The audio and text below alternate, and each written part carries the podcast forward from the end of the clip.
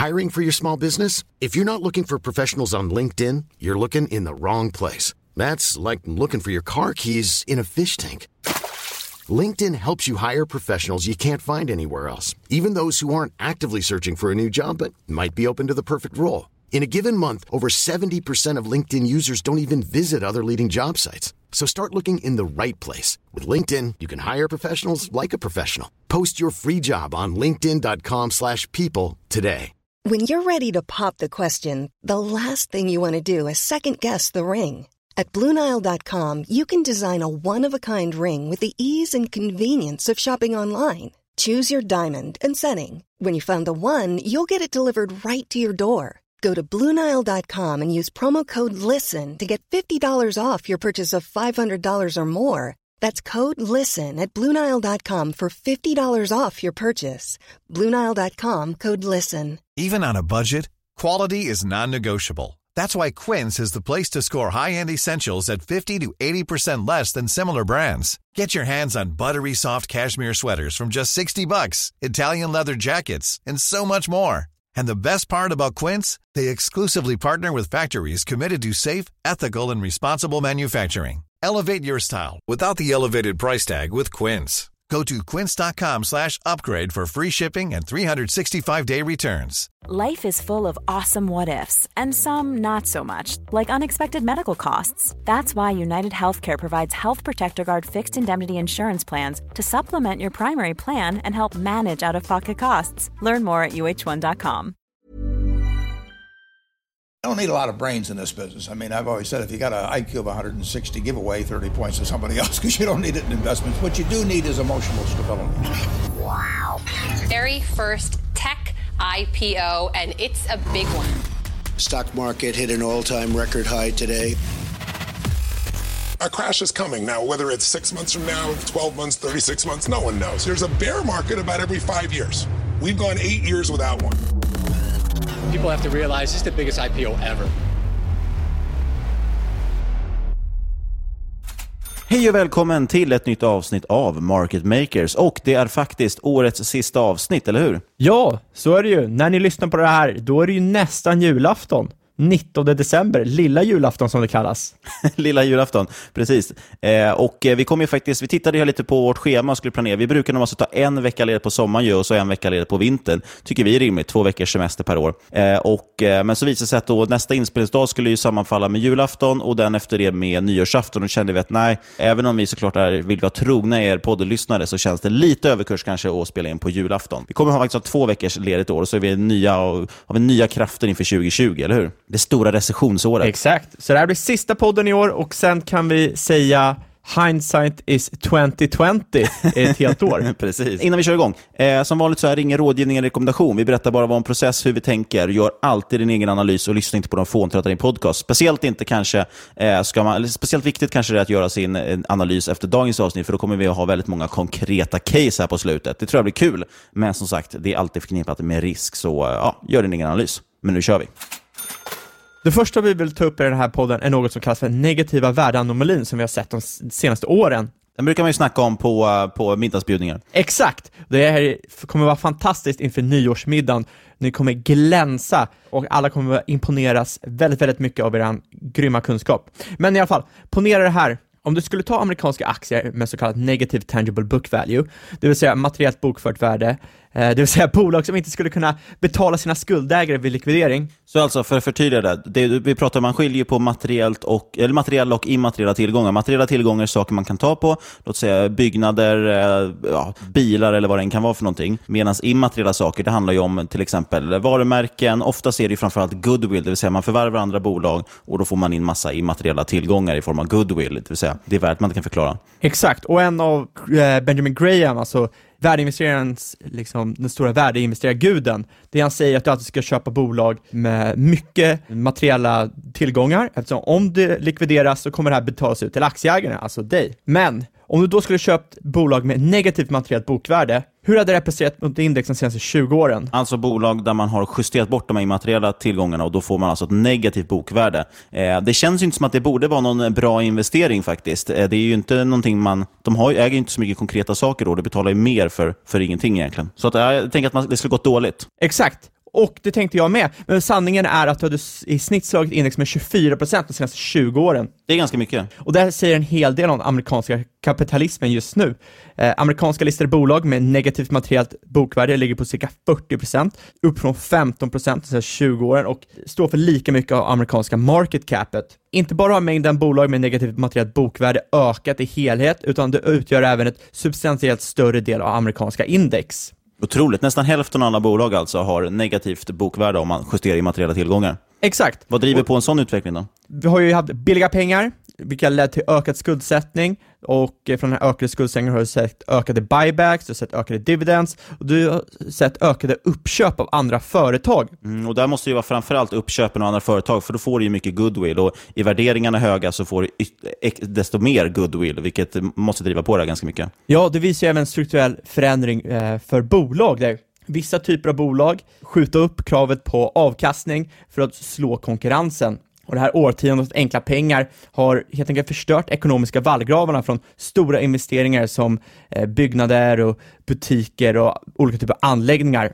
Kontentan är att materiella tillgångar har ju blivit, ja, det har blivit irrelevant för värdering helt enkelt. Framförallt är det ju också en skifte i typ av bolag. Alltså, ja, men relationen mellan omsättning, vinst, materiellt bokvärde och aktiekurs var ju väldigt enkelt förut. Det är ju mycket det Benjamin Graham skriver om till exempel. Att det är därför price to book var ganska, en ganska bra multipel förr i tiden och den är fortfarande det för fastighetsbolag, investmentbolag och så vidare där tillgångarna är väldigt viktiga och konkreta. Det är de som egentligen du vill äga, vara en del av.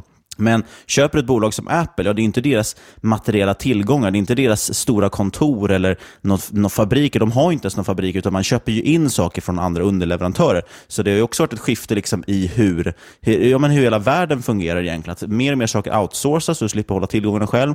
Eh, men också att det är en annan typ av produkter som känns, mer tjänster. Eh, det är mera typer av immateriella saker som, som mjukvara och så vidare som är svårt att sätta ett eh, värde på. Framförallt är det inte materiellt. Exakt, och det här relationen som är mellan omsättning och vinst och materiellt bokvärde är ju rätt enkelt. Det är Omsättning det genererar vinst, vilket säger ökar bokvärdet och det kan finansiera nya tillgångar som bidrar till framtida försäljningar. Och de här tre parametrarna har ju växt med ekonomin de senaste eh, århundradena. Men den här, man kan säga att den här relationen bröts 2014 när materiellt bokvärde per aktie i stort sett kollapsade medan omsättning och framförallt vinst fortsatte att öka. Och eh, det här har ju lett till att eh, amerikanska index Price to Tangible Book Value, alltså pris till materiella tillgångar, har exploderat till ett snitt på 11 snarare än historiska 57, så det har dubblerats på fem år. Ja, du nämnde lite bolag där, vi kanske ska gå in på vilka typer av sektorer det här drabbar framför allt. För på sektornivå så överrepresenterar hälsovårdsbolag, där det har skett mycket mergers som lett till stora uppskrivningar av goodwill. Kommunikation som bolag som AT&T och liknande, så har också varit väldigt tungt eh, när det kommer till acquisitions. Och sen, som du sa, sociala mediebolag, du har ju Facebook, du har ju Twitter och så vidare. De kräver inte så mycket materiella tillgångar. Och eh, Sen har vi de här äh, traditionella bokvärdestunga bolagen som finans och energi som vi tog upp förra, förra veckan, som har ju fullständigt kollapsat i eh, värdering. Ja, och den typen av bolag har ju väldigt sällan negativt eh, materiellt bokvärde, så att säga. Eh, det är ju någonting, då ska man ju verkligen kanske dra öronen till sig och fråga sig varför det är så, om det är så, med tanke på att de är, som du säger, bokvärdestunga. det är ett, ett nytt adjektiv. Eh, men att, det säga att de, de är beroende av tillgång helt enkelt för att kunna finansiera sin verksamhet. Exakt, och det är extremt intressant när man kollar på det här geografiskt, för det är väldigt stor skillnad mellan öst och väst. Så då har ju de här bolagen då med negativt materiellt bokvärde utgör närmare en tredjedel av liksom väst stora börser i eurozonen och i eh, USA. Men det är nästan helt uteslutet från asiatiska börser. Kollar du på till exempel Japan, så är nästan 100% av alla bolag som är börsnoterade där eh, positivt materiellt bokvärde. En enkel förklaring till det här är ju att Asien har ju varit världens fabrik, medan väst i allt större takt blivit immateriellt. Och det är ju en förklaring. Precis, och för det är bara att titta egentligen. De, de största bolagen i USA, som ändå är världens största kapitalmarknad, ja, men det är ju Apple, det är Microsoft och så vidare. Det är den typen av bolag som har väldigt lite materiella värden, eh, men gör mycket förvärv och så vidare. Och du har å andra sidan, tittar du Kina, då, då är det framförallt ja, statens oljebolag, det är statens byggbolag, alla de här väldigt, väldigt konkreta sakerna. Och sen har ju de istället tagit många sina techbolag bolag som Alibaba, Tencent och så vidare och, och tagit över dem till USA och noterat det där istället. Eh, så att man har till och med tagit de immateriella, de är mycket immateriella tillgångar, de har man flyttat ut i andra länder i princip. Så att jag förstår att den, den viktningen blir lite märklig. Exakt, det är ju så. Det är, de immateriella företagen leder nästan varje sektor när det kommer till avkastning. Du har ju Visa och Mastercard som leder inom finans och Amazon som leder inom retail när det kommer till... Amazon är ett klockrent exempel måste jag säga på det här. Bara, visst, de har en del så här, ställen, de, logistikcenter och så vidare.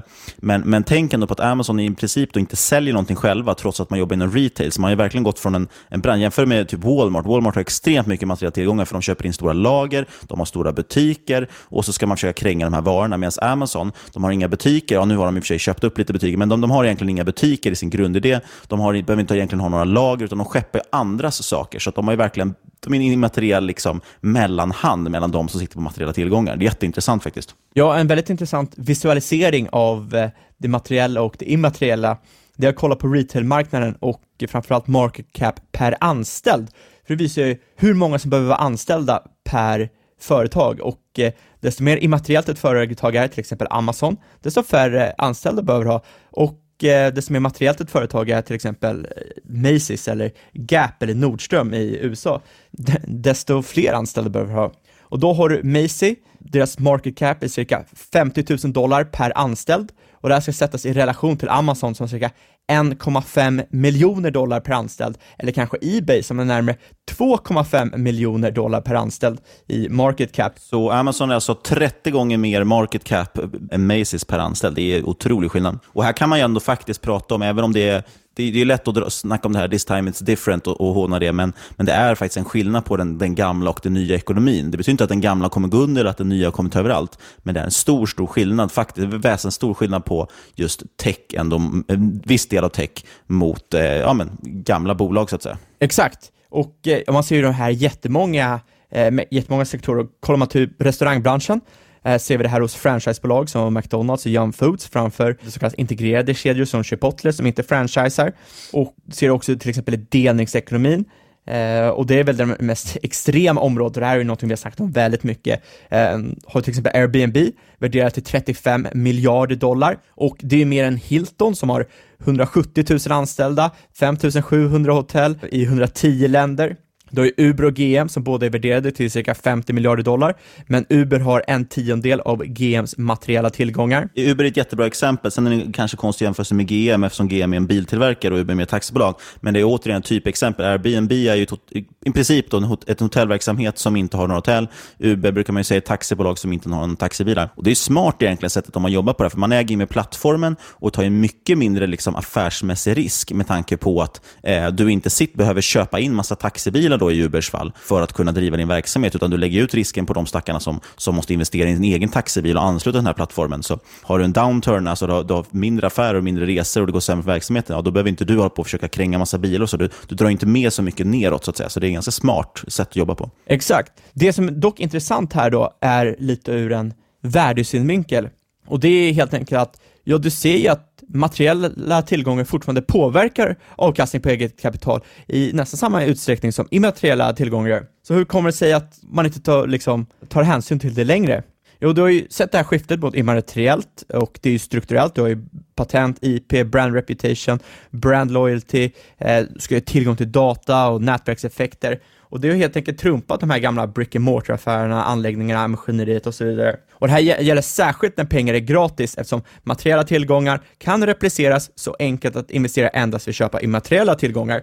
Det finns ingen anledning att investera i materiella tillgångar om alla bolag ändå kan ta in pengar för att köpa upp dem igen. Det finns ingen mot där. Och vad har det här gjort då? Jo, det har gjort att price to book har blivit irrelevant för värderingar.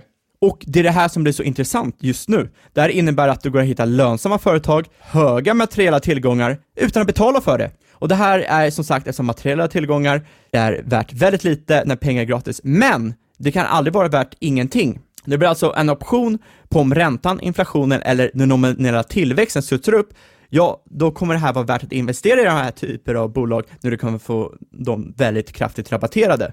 Det ska ju ändå tilläggas dock att, att price to book har ju ett värde i viss typ av bolag, speciellt just när de har mycket till, tillgångar som är relevanta. Eh, som jag nämnde tidigare, investmentbolag är en klassisk sån grej. Där kan du väldigt enkelt värdera och, och se substansrabatten eller substanspremien till på price to book. Banker är jätteintressant, även fastighetsbolag som vi pratat om. Men när det kommer till den typen av bolag vi framförallt brukar titta på och prata om så, så blir det oftast, jag i alla fall tittar oftast inte ens på price to book. Jag bara slog upp här för, för skojs skull. Nu är det i och för sig många då som hävdar att Fortnox är dyrt och det kan man väl, eller ja, det håller väl jag också med om att det låter dyrt. Men där har man ett price to book på 38.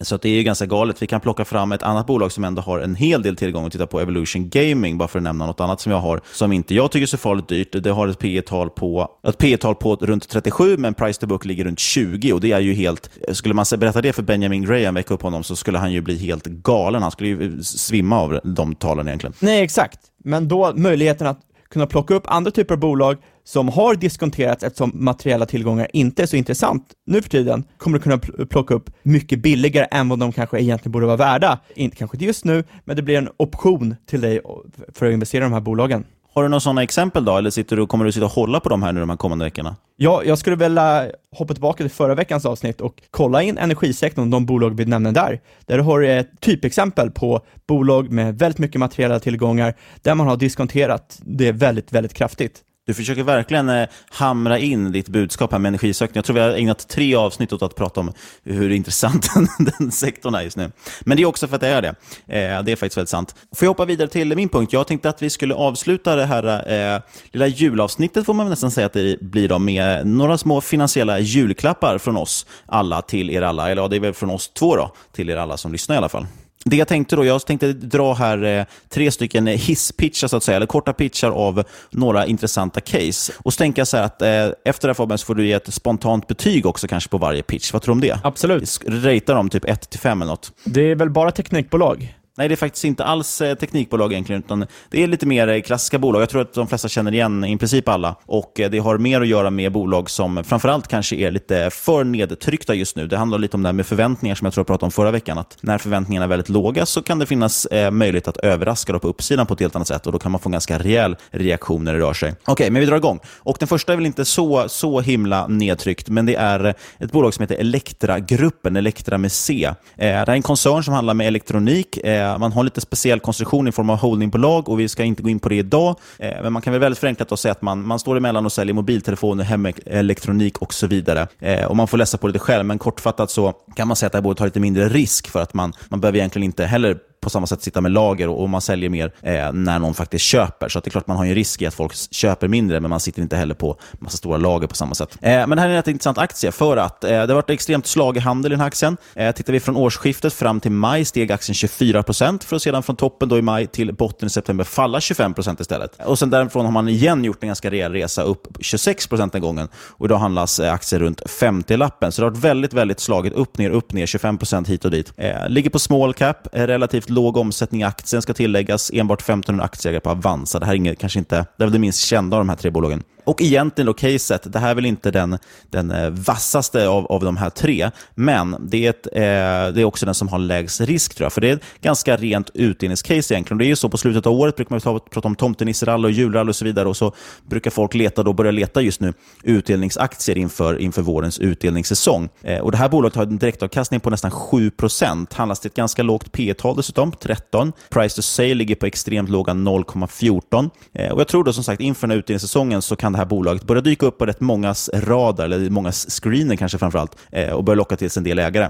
Och som sagt, troligtvis minst potential av de här tre att tänkte pitcha, men samtidigt så har du också någon form av worst case där, ja, det är klart att bolaget kan ju totalt haverera, men det känns ganska liten risk för det. Men någon form av worst case på att åtminstone få en kupong då på 7% och det är ju inte tokigt. Eh, det är inte dåligt. Eh, men det jag hoppas på såklart är att utdelningsjägarna ska driva på det här och ja, väldigt optimistiskt, eller extremt optimistiskt kanske, men det är i alla fall inte orimligt att jag menar, direktavkastningen skulle lika gärna kunna vara 4-5% Då har du fortfarande inte något extremt P tal och det skulle ju vara en uppvärdering på hela 20-30 %. Tror jag verkligen inte att det kommer driva så långt, men låt säga 10% eller 15% i alla fall, inte allt för orimligt. Eh, och som sagt, worst case är ju 7 eh, kupong. Så jag tycker med tanke på att nedsidan är så pass begränsad så tycker jag det är en ganska intressant aktie på kanske 6 månaders sikt, eller ja, 3-6 månader. Och bolaget heter alltså Elektragruppen, eh, ticken är ELEC.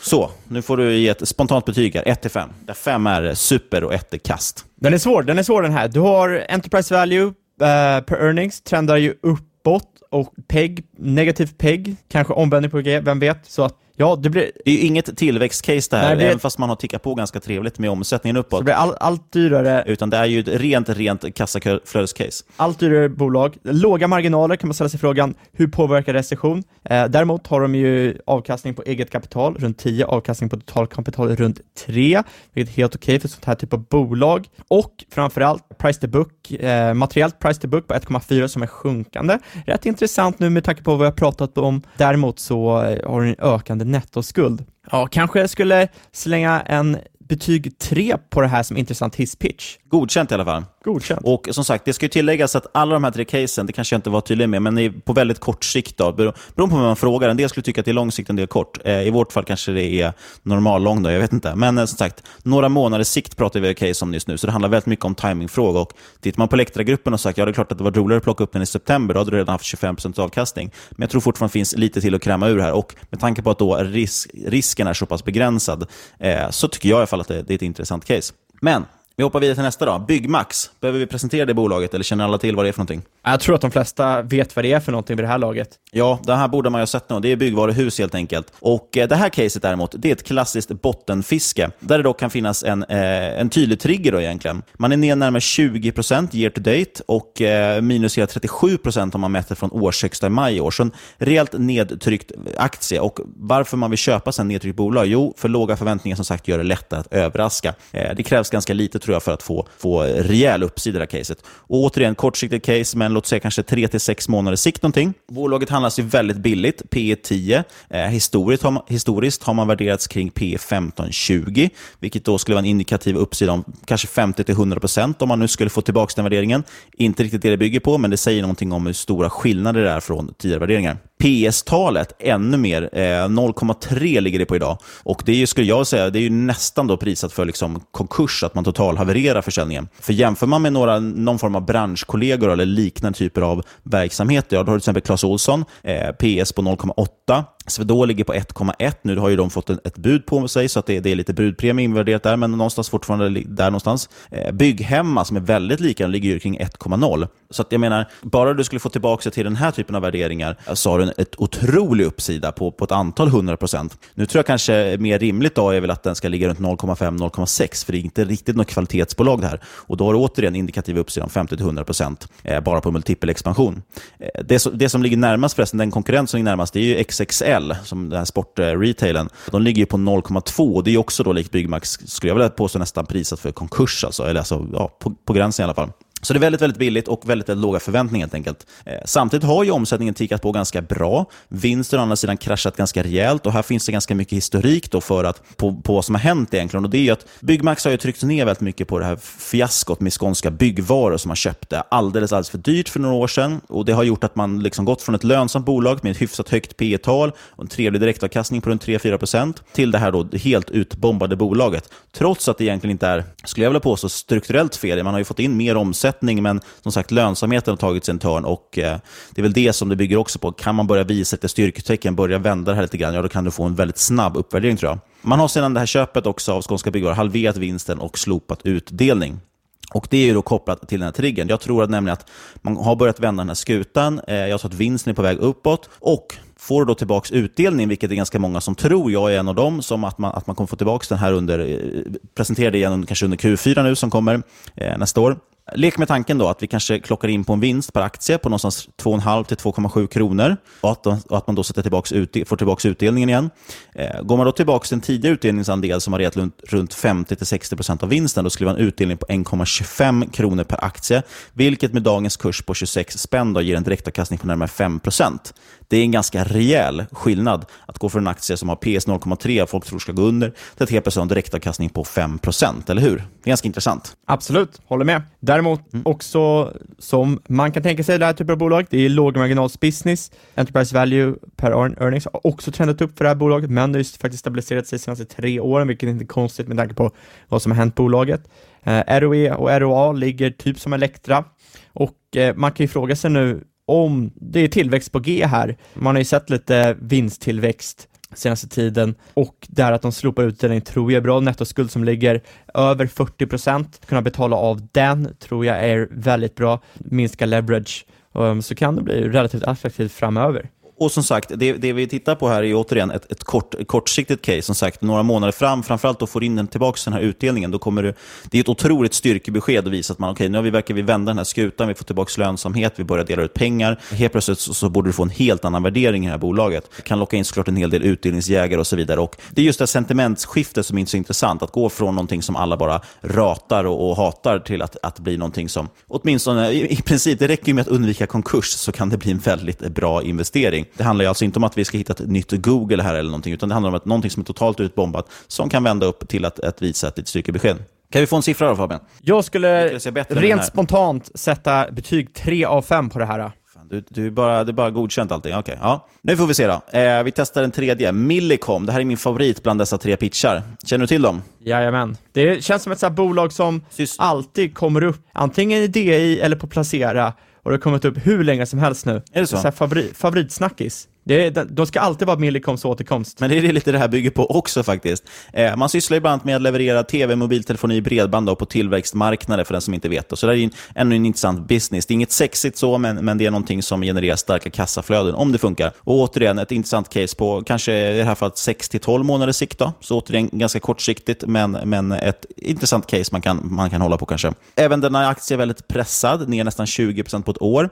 Eh, för att göra en lång historia kort, det finns ju massvis med saker som man skulle kunna ta upp här. Det har varit eh, bud och allt möjligt och som har kommit. Men, men eh, väldigt kortfattat just nu då, som har pressat ner det är ju att Kinnevik bland annat ville sälja ut sina aktier i det här. Eh, man misslyckades med det ett par gånger för att man skulle göra det på konstiga sätt och sen till slut beslutade man då bara att ah, men vi delar ut aktierna till alla våra aktieägare. De har väl mer eller mindre nu börjat dumpa ut dem på marknaden för att det är inte så många som kanske känner att de vill sitta kvar i Millicom. Så det pressar ner aktien rejält. Eh, plus alla de här, det här debaclet, eller vad man säger då, med alla olika vändor hit och dit. Kristina Stenbeck dock, tror ju stenhårt på det. Hon har ju gått, eh, gjort ett lite ynkligt köp på i runda slänga 150 miljoner om jag inte missminner mig. Det, det får ändå räknas som ett okej okay köp, eller?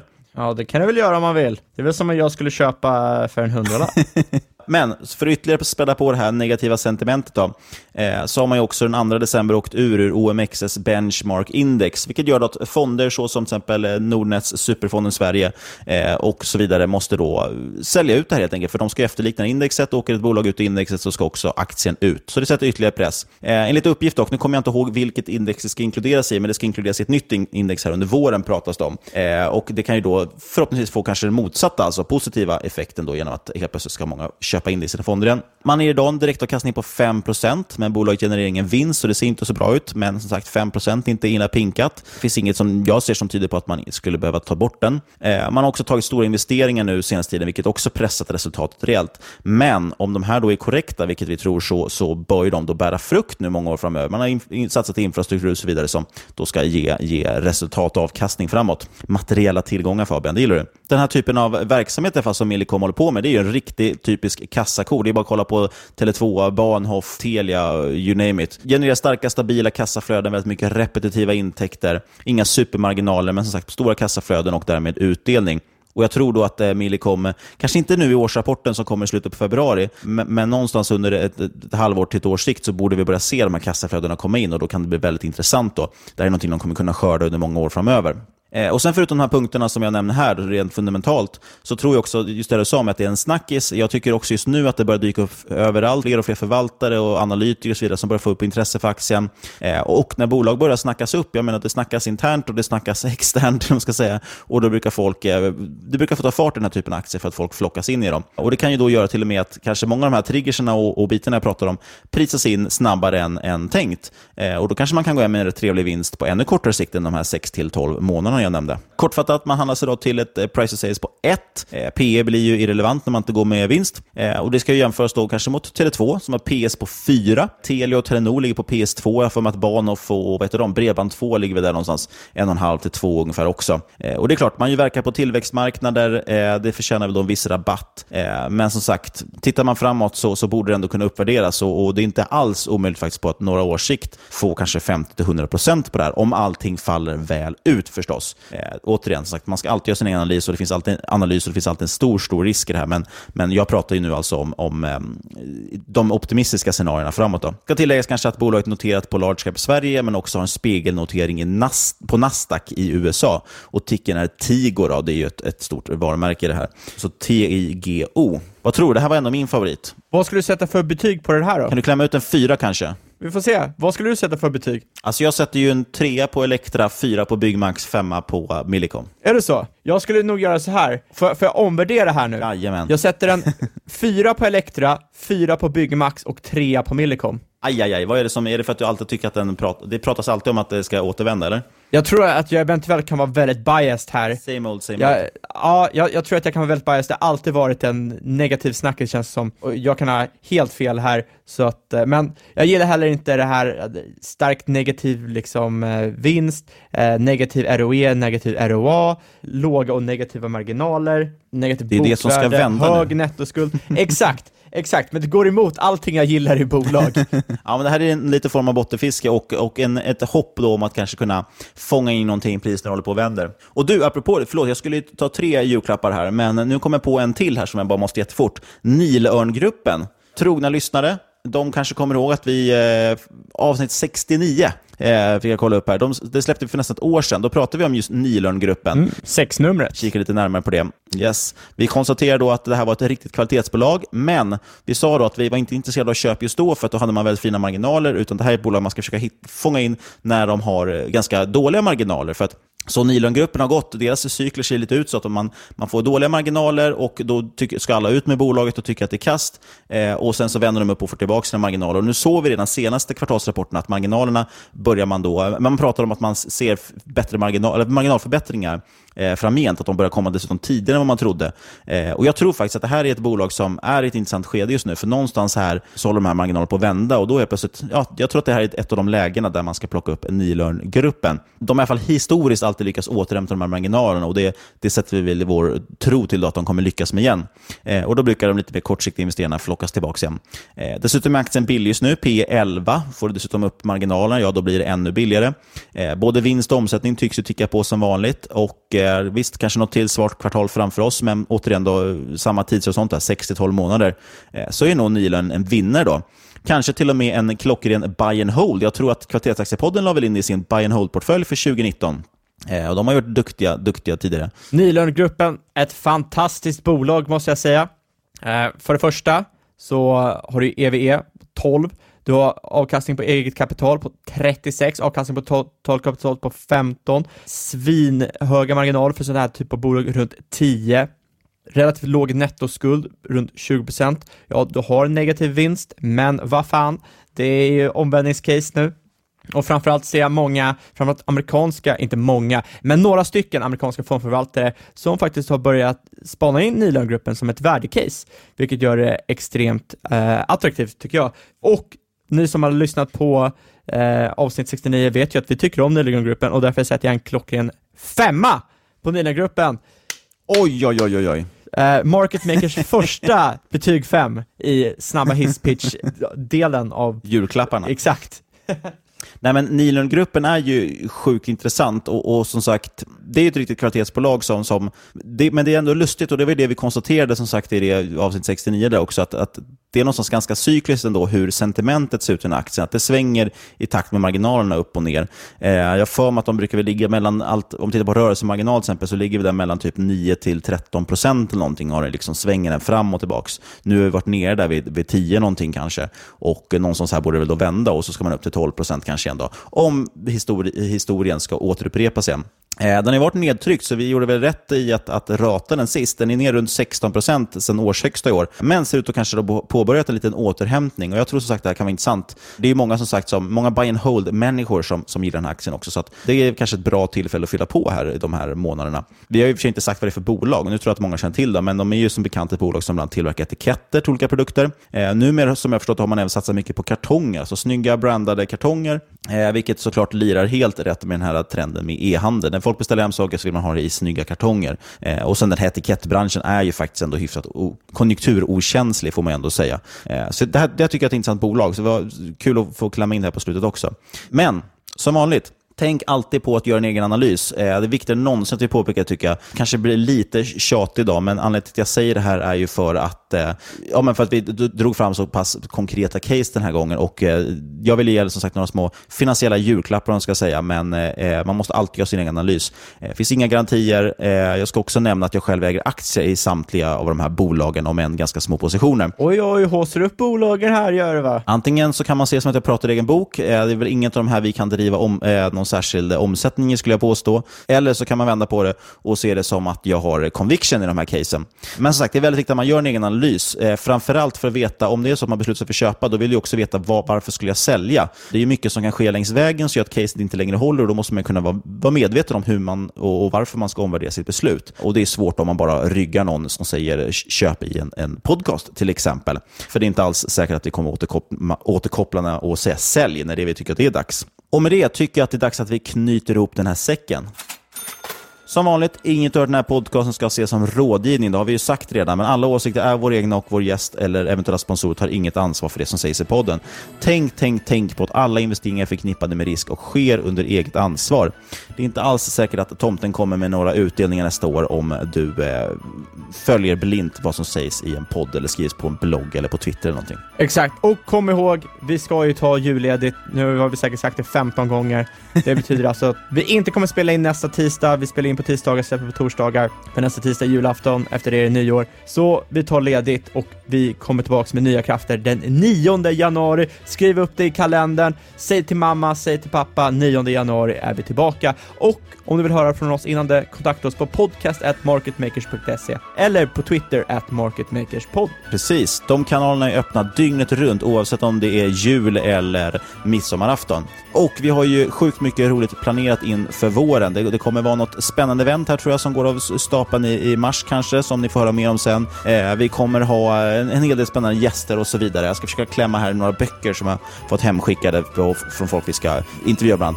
Men sist men absolut inte minst så vill vi säga stort, stort tack för att du har varit med oss under 2019. Vi lovar och ska försöka göra vad vi kan för att du ska fortsätta lyssna även 2020. Och nu Fabian önskar vi en god jul och ett gott nytt år för den som firar det. Ho, ho!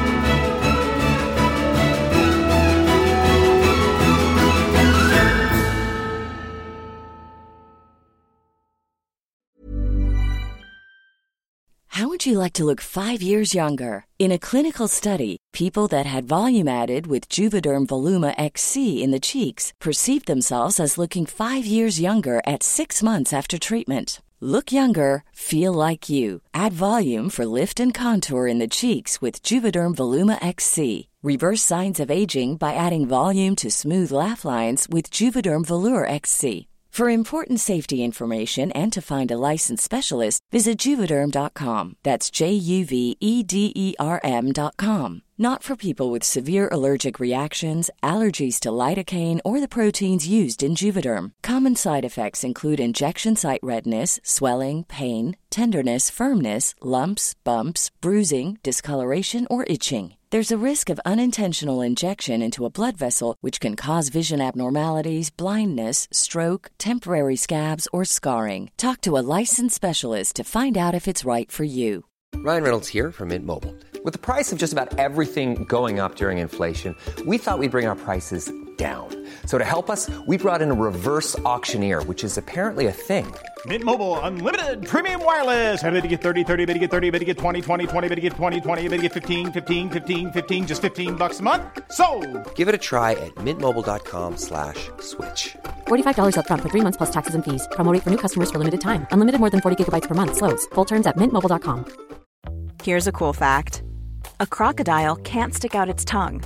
Another cool fact, you can get short-term health insurance for a month or just under a year in some states. United Healthcare short term insurance plans are designed for people who are between jobs, coming off their parents' plan, or turning a side hustle into a full time gig.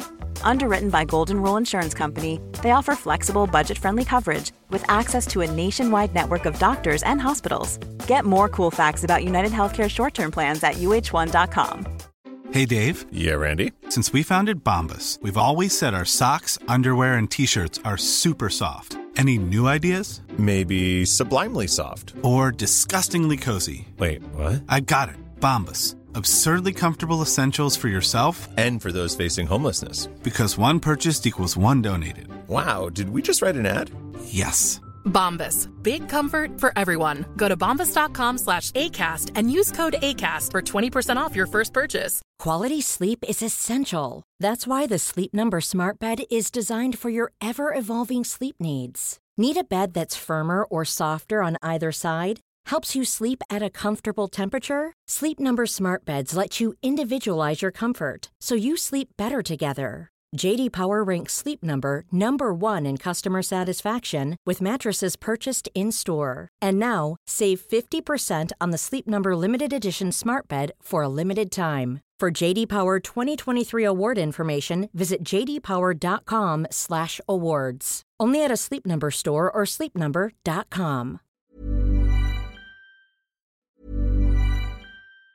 Planning for your next trip?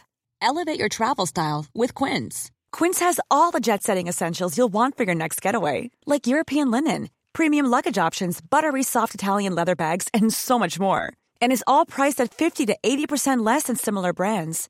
Plus, Quince only works with factories that use safe and ethical manufacturing practices. Pack your bags with high-quality essentials you'll be wearing for vacations to come with Quince. Go to quince.com/pack for free shipping and 365-day returns. Mom deserves the best, and there's no better place to shop for Mother's Day than Whole Foods Market. They're your destination for unbeatable savings, from premium gifts to show-stopping flowers and irresistible desserts. Start by saving 33% with Prime on all body care and candles. Then get a 15-stem bunch of tulips for just $9.99 each with Prime. Round out Mom's menu with festive rosé, irresistible berry chantilly cake, and more special treats. Come celebrate Mother's Day at Whole Foods Market.